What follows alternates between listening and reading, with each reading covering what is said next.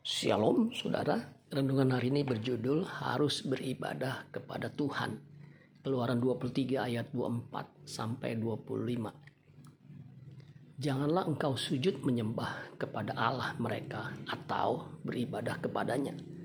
Dan janganlah engkau meniru perbuatan mereka. Tetapi haruslah engkau memusnahkan sama sekali patung-patung berhala buatan mereka.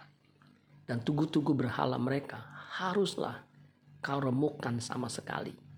Tetapi kamu harus beribadah kepada Tuhan Allahmu, maka ia akan memberkati roti makananmu dan air minumanmu, dan aku akan menjauhkan penyakit dari tengah-tengahmu.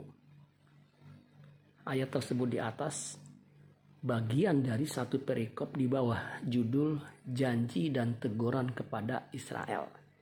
Tuhan berjanji akan menyertai bangsa pilihannya itu jika mereka taat dan mendengarkan perintah Tuhan yang disampaikan malaikat kepada mereka.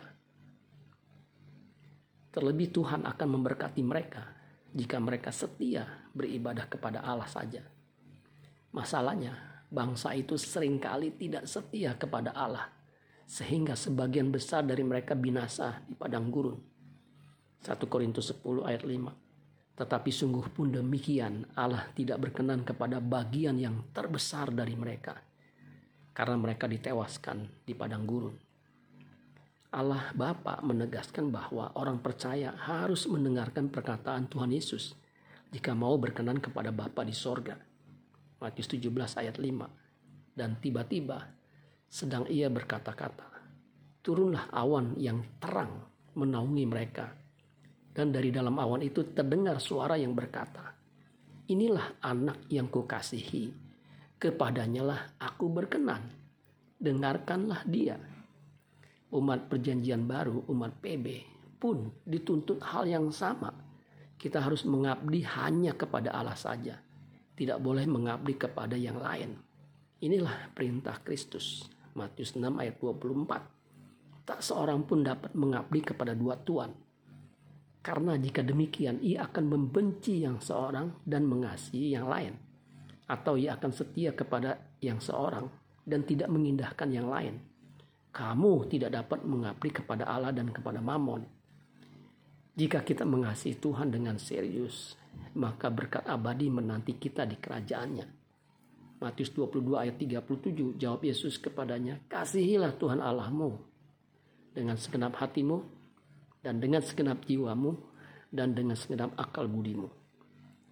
1 Korintus 2 ayat 9 tetapi seperti ada tertulis apa yang tidak pernah dilihat oleh mata dan yang tidak pernah didengar oleh telinga dan yang tidak pernah timbul di dalam hati manusia semua yang disediakan Allah untuk mereka yang mengasihi Dia.